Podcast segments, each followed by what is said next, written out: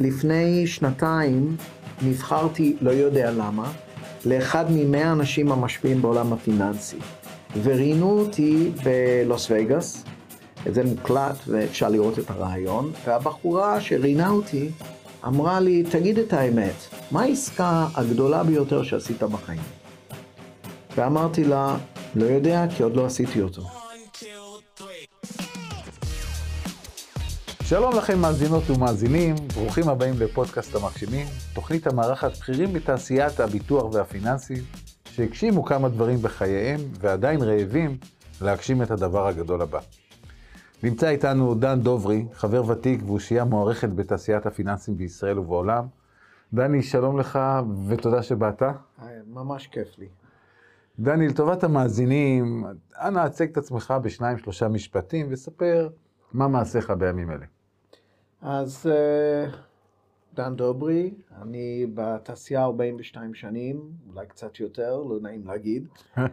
אה, הייתי עד, אפשר לומר, לכל האבולוציה של התעשייה, גם בארץ וגם בחו"ל, זאת אומרת, הייתי חלק ו- ו- וחוויתי את החוויה הזאת, והיה לי גם את הזכות קצת אה, להשפיע ולהיות מעורב. אז, וזהו. אתה איש של חזון, נכון?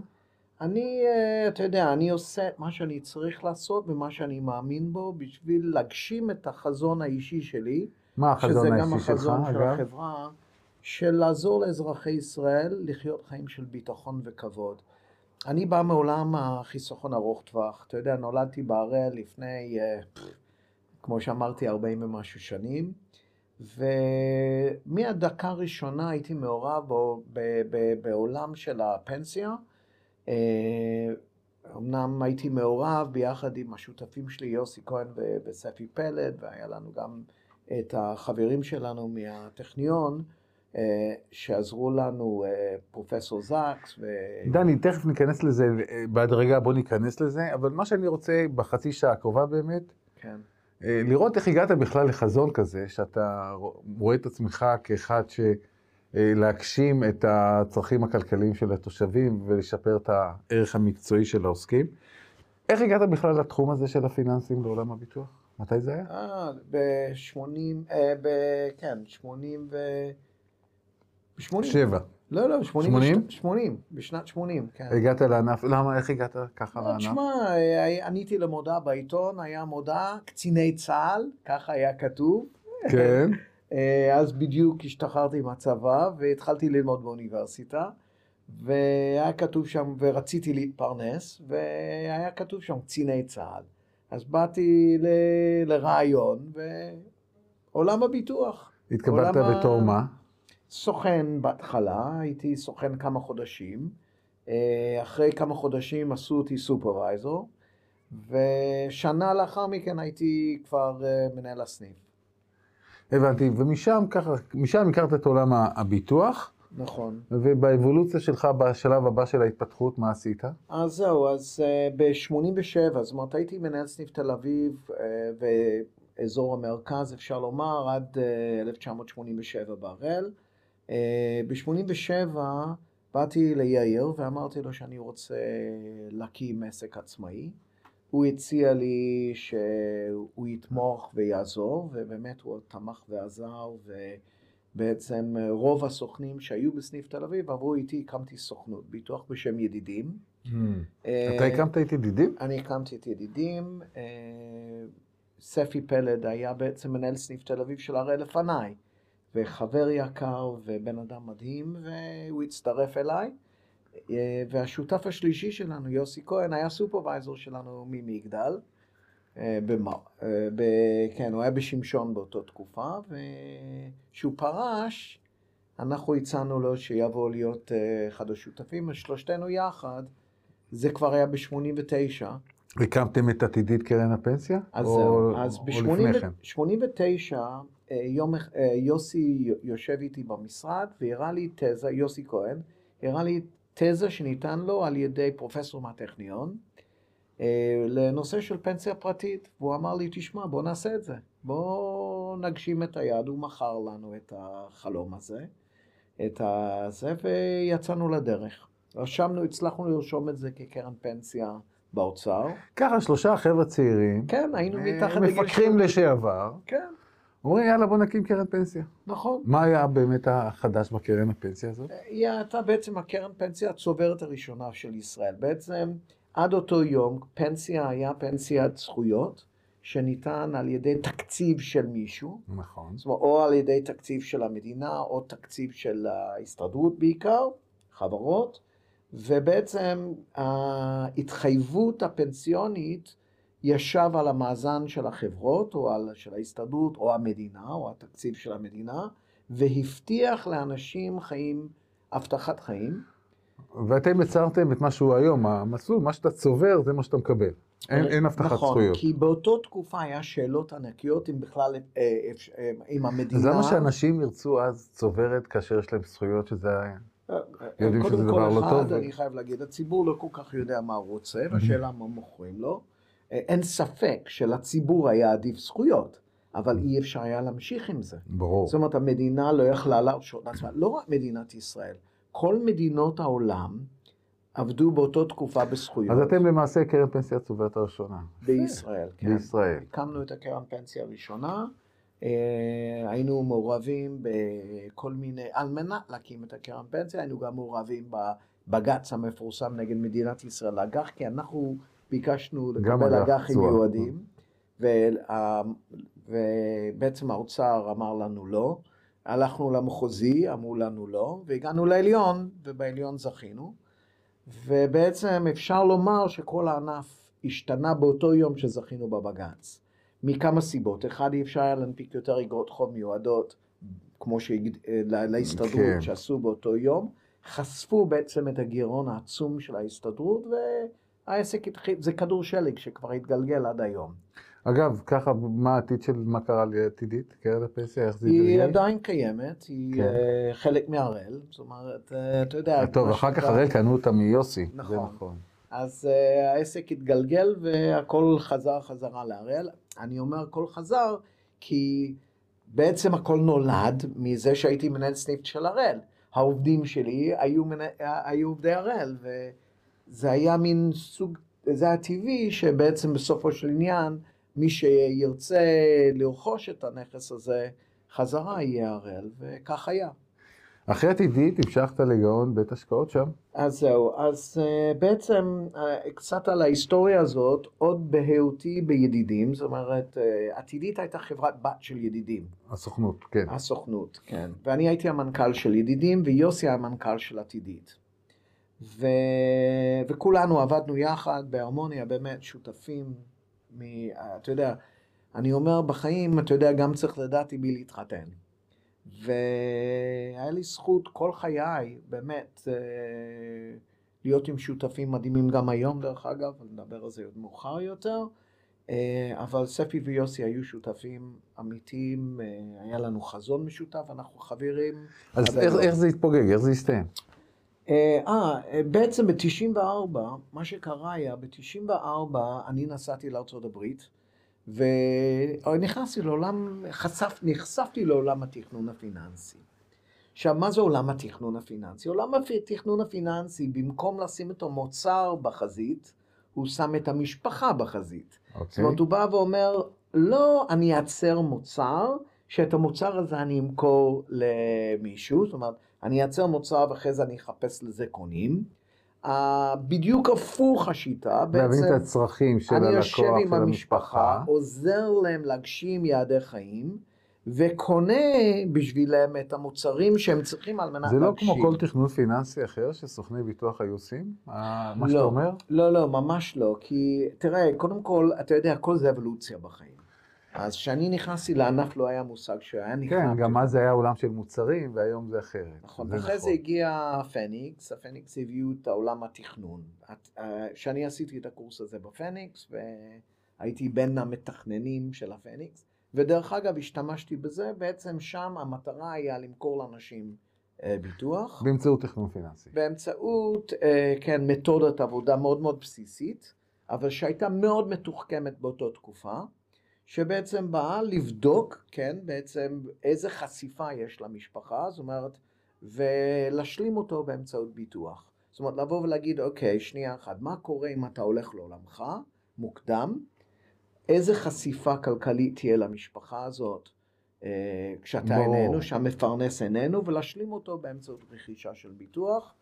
אה, זה היה הדרך, אובדן כושר עבודה, בחנו את כל הדברים האלה. ואני חייב להגיד שעבדתי בשיטה הזאת, הרגשתי טוב. אז אתה בין החלוצים שבאמת עבדו כמתכנן פיננסי בתעשייה עוד, בישראל. אה, כן, או אה, לפני. אבל אז המקצוע תכנון פיננסי הוא לא כמו היום תכנון פיננסי, כי כאן אתה נוגע לו ממש בכל האלוקציית לא. נכסים שיש לו, כן, נכון? בדיוק. כי אז זה בעצם היה אה, מתודת עבודה שהמטרה שלה היה בעצם לבדוק את החשיפה ולהשלים את החשיפה הזאת באמצעות רכישה של ביטוח. אה, היום תכנון פיננסי בעצם עוסק במשפחה והגשמת היעדים של המשפחה הזאת. זאת אומרת, תראה, אה, אה, אני עבדתי עם הרבה, אתה יודע, כל החיים שלי דרך אגב, הייתי מנהל וניהלתי מאות, אולי, אולי אלפי אנשים. ועזרתי להם. זאת אומרת, לעצב אותם מבחינה מקצועית. ומבחינת החזון שלהם. ו... ובעצם. המעבר הזה, הטיפול, מעבר הזה לטיפול במשפחה, זה לא בא באופן טבעי. כי התעשייה 400 שנים מוכר מוצרים. אבל אני רוצה לגעת בקטע הפורץ דרך שלך. כן. אתה בא ואומר, אני המצאתי בהתחלה קרן פנסיה שלא הייתה צוברת, אחר כך אני הבנתי את המקצוע היותר עמוק של מה שנקרא מתכנן פיננסי. מה, מה הניע אותך ב-2018, סליחה, ב-2008, בכלל להקים את הדבר הזה, מקצוע, הדבר הזה שנקרא מתכנן פיננסי? מה, אז- אז מה גם- גרם לך בכלל? אז גם זה אבולוציה. כמו שאמרתי לך, 94, נחשפתי לזה בארצות. הברית, באתי לשם, פגשתי אנשי מקצוע, ואני רואה, אה, פתאום, אתה יודע, מדברים, לא מדברים במושגים של יעדי מכירות ודברים כאלה. זאת אומרת, אין להם דבר כזה. יש להם כאילו חזון ל- לעזור למשפחות. וזה מה שרצית להביא לארץ? ואז אמרתי לעצמי, תשמע, זהו, זה הדרך שצריך לעבוד. אתה יודע, אני יושב וחושב, אם אני, אם אכפת לי מבני אדם, ואתה יודע, אכפת לי מהמשפחות, ואני רוצה... אה, והעבודה היא לטווח ארוך. ו- והעבודה, אתה ברור. יודע, אני תמיד אומר, זו זכות ענקית להיות חלק מהתהליך של המשפחה הזאת. הגדרת היעדים וכל הדברים, וכאילו בנייה של אסטרטגיה שיוכלו להשיג את היעדים האלה. אה, ואז הקמתי איזושהי חברה קטנה אה, בצד מידידים, בהסכמת השותפים שלי.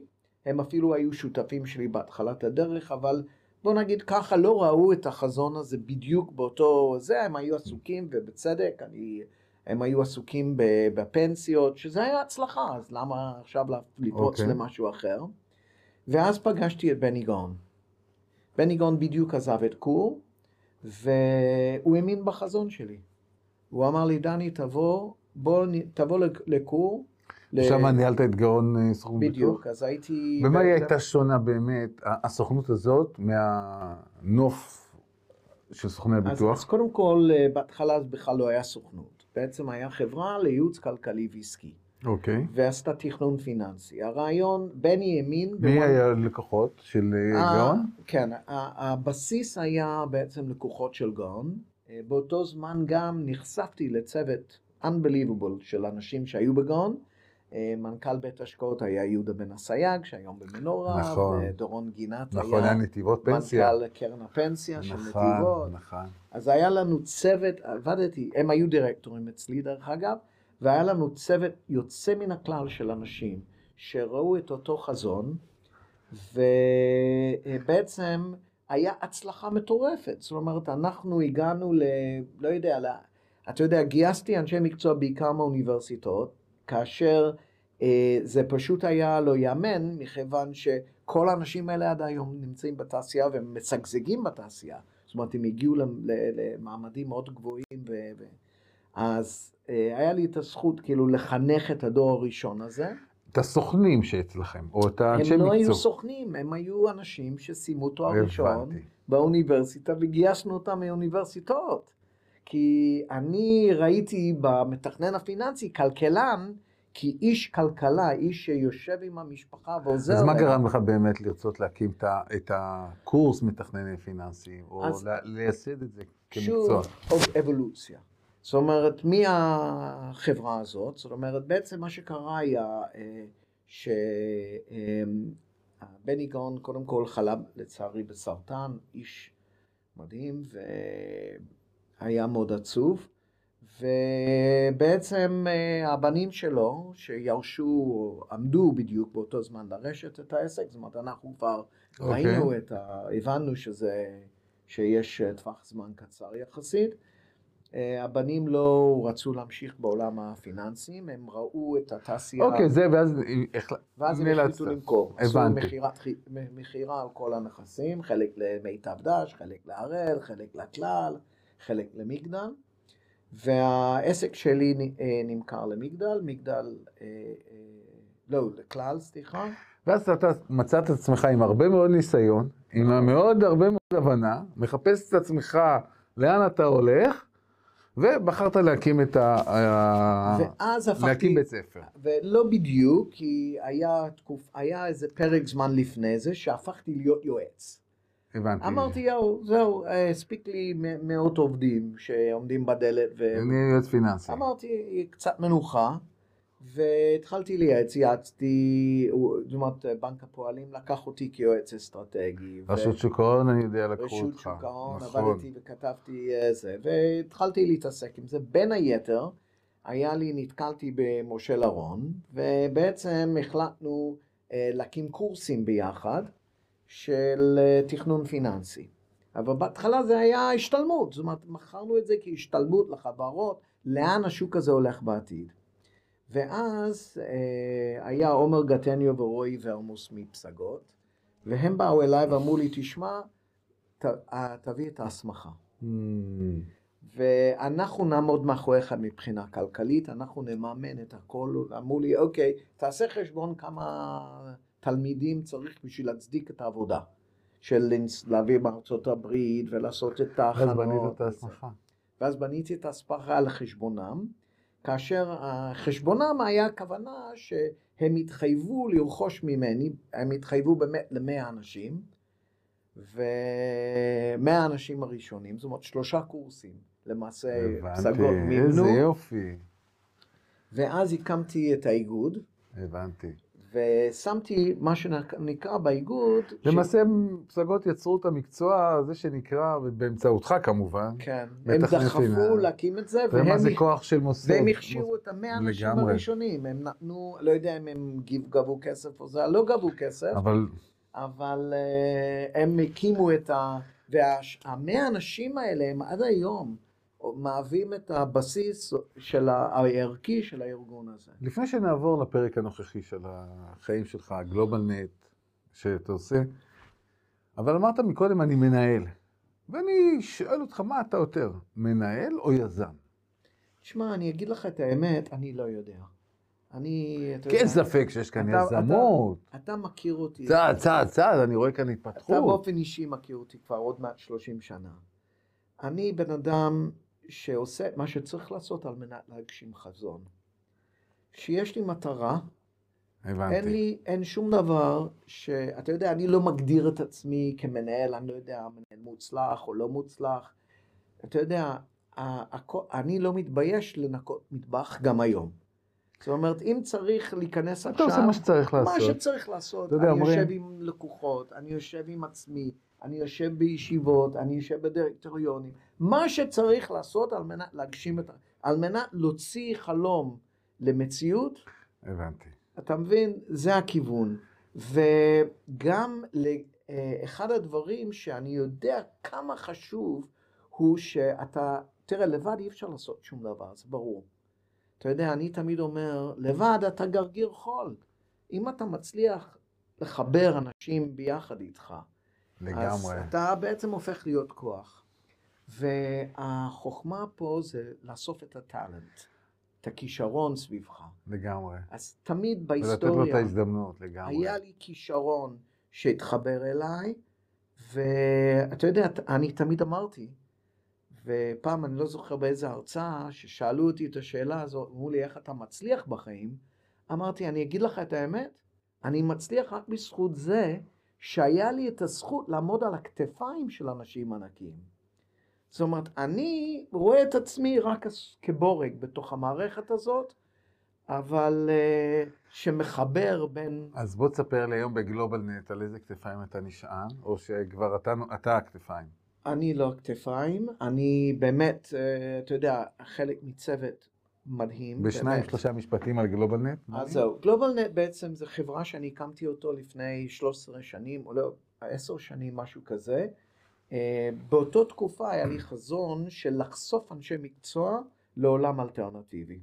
סליחה, לעולם ה... לחו"ל, לחו"ל, השקעות בחו"ל.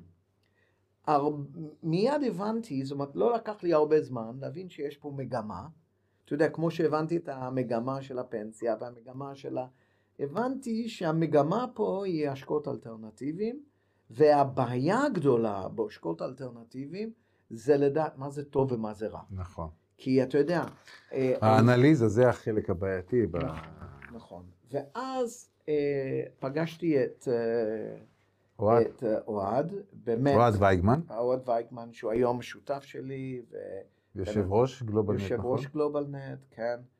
ואיש מוכשר, חרוץ וערכי ברמה, אתה יודע, בדיוק כמו שאנחנו היינו חולמים, שאם אתה צריך להפקיד את העתיד שלך בידיים של מישהו, אתה רוצה מישהו שפועל מהנשמה. איזה כיף זה. כן. וסיפרתי לו לאוהד, אה, ואמרתי לו, תשמע אוהד, אתה יודע, אה, שלוש... טריליונים, זה צונאמי של כסף שעובר מעולם המנוהל ועולם המנוהל, מנכסים שכירים לנכסים לא שכירים. ואתה יודע, כמו, ב, אתה יודע, כמו ב, בבית ספר למשפטים, 50 אחוז מעורכי הדין גומרים ב-50 אחוז התחתון של הכיתה. איך אתה יודע מה זה טוב ומה זה רע? כולם, אתה יודע, אתה מוצף הצעות. בוא מה? תשקיע בנדל"ן בטורקיה, ביוון. אז ב... לא הודות לך ביצים שאתה צריך להמליץ על אה, קרן בחו"ל? אני חייב להגיד לך שכן. אני, אתה יודע, אני 42 שנים במקצוע. יורד לי הביצים 42 שנים. אני בן אדם נוירוטי, אני פחדן. ואתה שורד, ומצליח. ואני, ואולי בזכות זה, כי אני תמיד אומר, פחד ניתן לנו, אתה יודע, על ידי הטבע. אתה מבין? ואיך אתה באמת מצמצם סיכונים? אז בעצם באתי לאוהד ואמרתי לו, תשמע, אם אנחנו נעשה אנליזה וננתח את ההשקעות האלה. אוקיי. ונחשוף לציבור את הניתוח, כי צריך לזכור, זה שאני מנתח זה לא נותן לי 100% אה, ביטחון. הראל עם הראל נפלו ב, עם uh, מדוף, מה אני לא איפול, אתה מבין? ברור. להם יש כלים יותר טובים משלי. אז התחלתי את הדרך בזה שעשינו אנליזות מאוד בסיסיות, דרך אגב, בהתחלה אתה יודע, כי אתה אומר לעצמך, רגע, אחד, עם מי אני עושה את העסק? אם הבן אדם היה לו ניסיון בעבר שהוא נכשל, הוא רשלן, או לא אחראי, אז מה אני אעשה איתו ביזנס היום? והדבר השני היה בעצם, האם זה עושה שכל? האם הביזנס פלן הזה יש אמיתי? Okay. אוקיי. זאת אומרת, האם אתה מחבר את המספרים ואפשר להגשים? באיזה רמת סבירות? אתה יודע, כי כולם אופטימיים ביום הראשון. לגמרי. אז אתה רוצה לדעת... אז איך אתם באמת, מה שונה אצלכם? אז זהו, ואז התחלנו לבנות את הקבוצה הזאת, והתחלנו לבנות, קודם כל התחלתי לאסוף סביבי כישרון. הבנתי. והכישרון שיש לנו, יש לנו צוות מדהים, אה, ואחר כך תשאל אותי על הילדים, כי הילדים שלי באמת... אה, אוקיי, תכף אני אגע בילדים. אבל אה, אספתי, אני ואוהד, ודרך אגב, אה, רן אה, אלון, שהוא גם שותף שלנו, וגם כן, הוא שותף שלנו, כן. מוכשר ברמות, עובד מאחורי הקלעים, אתה יודע, מסוג ה... under the radar kind okay. of אוקיי. people. אז אתה, יש לך צוות מאוד מנצח, ואתה עם גלובל נט יכול להגיד שעכשיו נכון. אתם נמצאים באיזשהו קו. יש לנו ועדת השקעות. אה, ואתם ש... בצמיחה, אני מבין. ואתם בצמיחה בנושא זה. נכון. אני רוצה ומה עוד אתה, אמרת שיש לך חזון חזון, מה אתם היום באמצעים שברשותך, אה, באמצעים שברשותך, אה, אתה עושה למען אה, דור ההמשך, תראה, לשפר את המקצועיות. קודם כל, המטרה שלנו זה לעזור לציבור לחיות חיים של ביטחון וכבוד באמצעות זה שאנחנו מייצרים גם פלטפורמות וגם פתרונות. אבל מאחורי הכל תמיד עומד ההכשרות, הלימודים, הידע שאנחנו יכולים... אז יש לך כוונה להעביר את זה. בצורה מוסדרת? אנחנו עושים את זה כל הזמן. כן?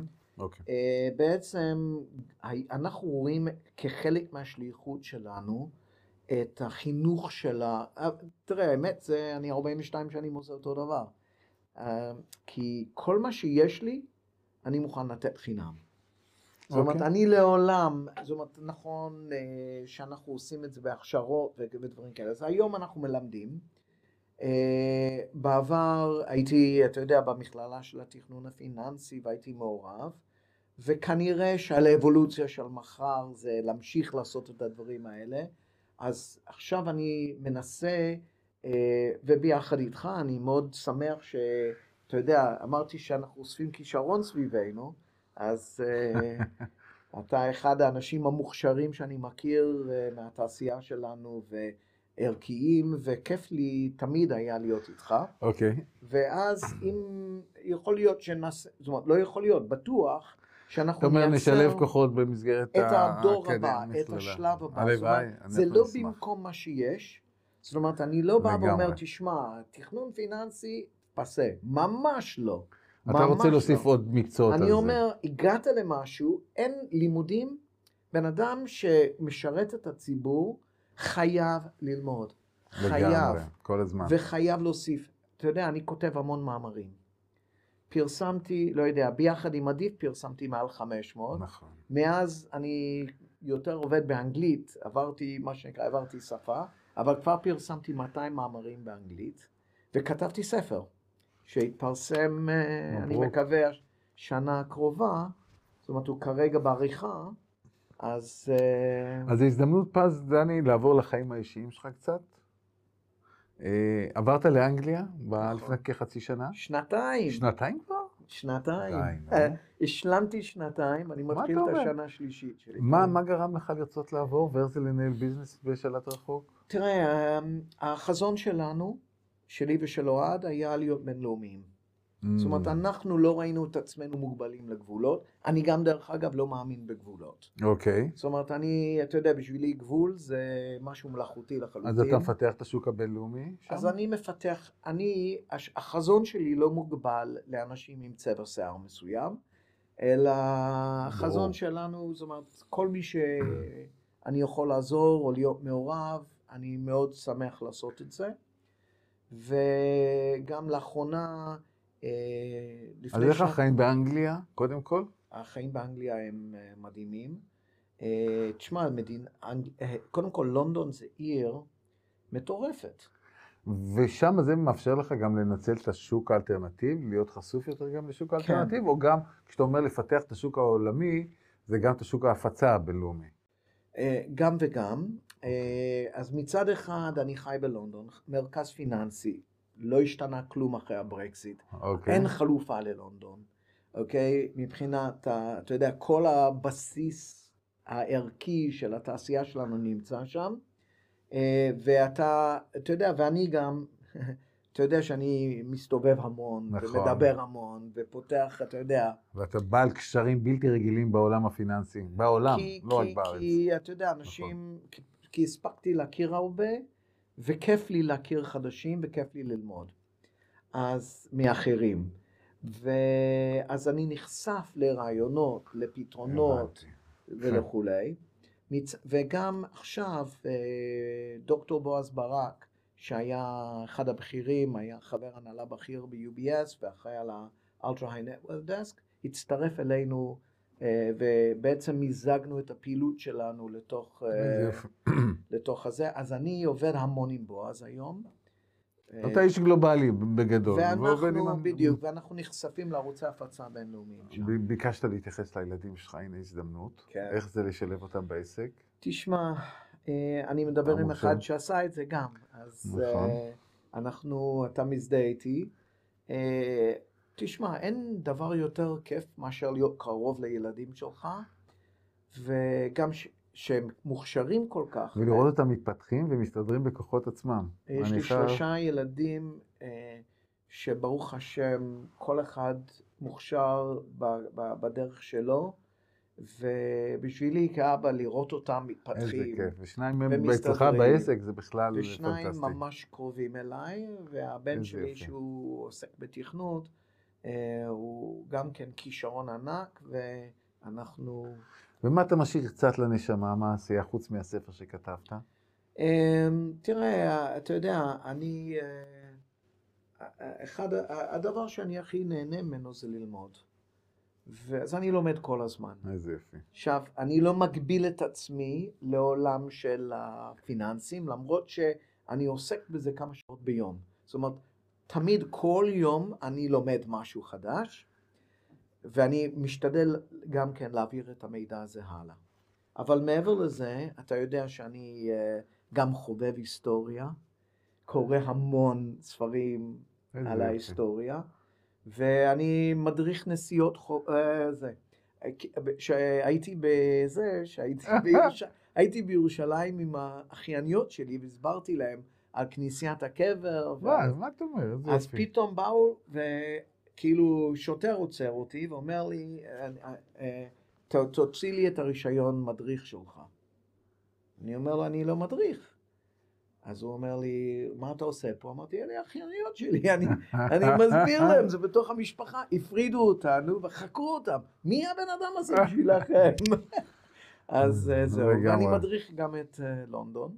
אז שתהיה בלונדון, אני מחכה לזה בקוצר אני רוח. לא רק אחשוף אותך, ל, אתה יודע, ליופי של העולם, ה, של הבירה הפיננסית הזאת, אלא לשורשים, להיסטוריה. כיף. יאללה, אני קורא את זה.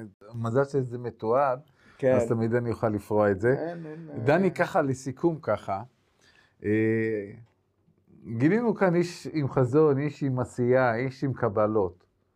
בוא תן למאזינים ולמאזינות אה, שלושה טיפים כדי להגיע למה שאתה הגעת. תראה, קודם כל, אתה יודע, אמ, כמו שאמרתי, אני רואה את עצמי כבן אדם שיושב על הכתפיים של אחרים. ואתה יודע, אני תח- סך הכל רואה את עצמי כמורה וכמחנך. עכשיו, אם אני צריך לתת עצות לאנשים, וזו זכות בשבילי לתת עצה, אני מקווה שמישהו... אה, אבל אה, העצה שלי זה קודם כל תמיד להיות עסוק בלמידה. כן, אה? תמיד, תמיד ללמוד, תמיד לתפוס כל- הזדמנות. המוצר האמיתי שלנו זה לא המוצר, זה הידע. וידע משתנה כל הזמן, העולם שלנו רץ קדימה, ואני תמיד אומר שהקישור החשוב ביותר, אתה יודע, אם אתה שואל אותי למה כן היה לי אה, הצלחות בחיים, בגלל ש... איך אומרים, אשתי אומרת לי, היא אומרת לי, אתה קם בבוקר ומשנה את כל העולם שלך. אתה בן אדם שאתה יודע, ממציא את עצמך מחדש כל שנה. אתה בעצם, אתה יודע, מאיפה התחלת ואיפה אתה נמצא היום, לא מבחינה כלכלית או מבחינת הצלחות, אלא מבחינת זה שזה אז שונה. אתה אומר, קודם כל אתה צריך להיות משתנה. בעשייה כל הזמן, לרצות להתפתח כל הזמן, והדבר השלישי, מה אתה אומר? אמרתי ללמוד. ללמוד זה לרצות להתפתח, הזמן. והדבר השלישי, מה זה? תן כבר לי עוד אחד, אותי. לא נורא, לא נורא, אוקיי. תן לי עוד אחד. אה, אה, תראה, מי שלא הולך קדימה, אוקיי, הולך אחורה. להתקדם. אני, ברור. ואני תמיד אומר את זה לאוהד, כי ש- אנשים אומרים לי, רגע, מה, איך יכול להיות שבשנה האחרונה עשית את מה שעשית? ואני אומר, תשמע, אי אפשר לעצור. אתה יודע, את המנגינה הזאת חייבים להמשיך. ברור. אי אפשר לעצור. ברגע שאתה עוצר למנוחה, אתה יודע, אתה אומר, תשמע, השגת משהו, תקשיב, תבסס את זה, תעשה מזה, אתה יודע, ת, אה. תקטוף את הפירות. למה אתה צריך להמשיך לדבר הבא? דרך אגב, בזה אני גם שותף עם אוהד, אוהד הוא גם כזה. כל היום טוב, אנחנו עושים דברים חדשים. דומה מושך דומה. כן. אני אסכם את זה, שגיליתי כאן, קודם כל, יזם שלא מפסיק להתפתח, שיש לו קבלות של עשייה של הרבה מאוד דברים חדשים שעשית. שאני חושב שיש כאן עשרות אנשי מקצוע, ובאמצעותם גם עשרות אלפי אנשים, שצריכים להגיד אה, תודה על, ה, על החינוך שהבאת לשוק הזה, לתעשייה הזאת. אני, היה לי עונג לארח אותך, תודה רבה, דני. אני, אני רק רוצה להגיד לך, לפני שנתיים נבחרתי, לא יודע למה, לאחד ממאה האנשים המשפיעים בעולם הפיננסי. וראיינו אותי בלוס וגאס, זה מוקלט ואפשר לראות את הרעיון, והבחורה שראיינה אותי אמרה לי, תגיד את האמת, מה העסקה הגדולה ביותר שעשית בחיים? ואמרתי לה, לא יודע, כי עוד לא עשיתי אותו. אז שיהיה לנו בהצלחה שתעשה את זה. תודה. תודה.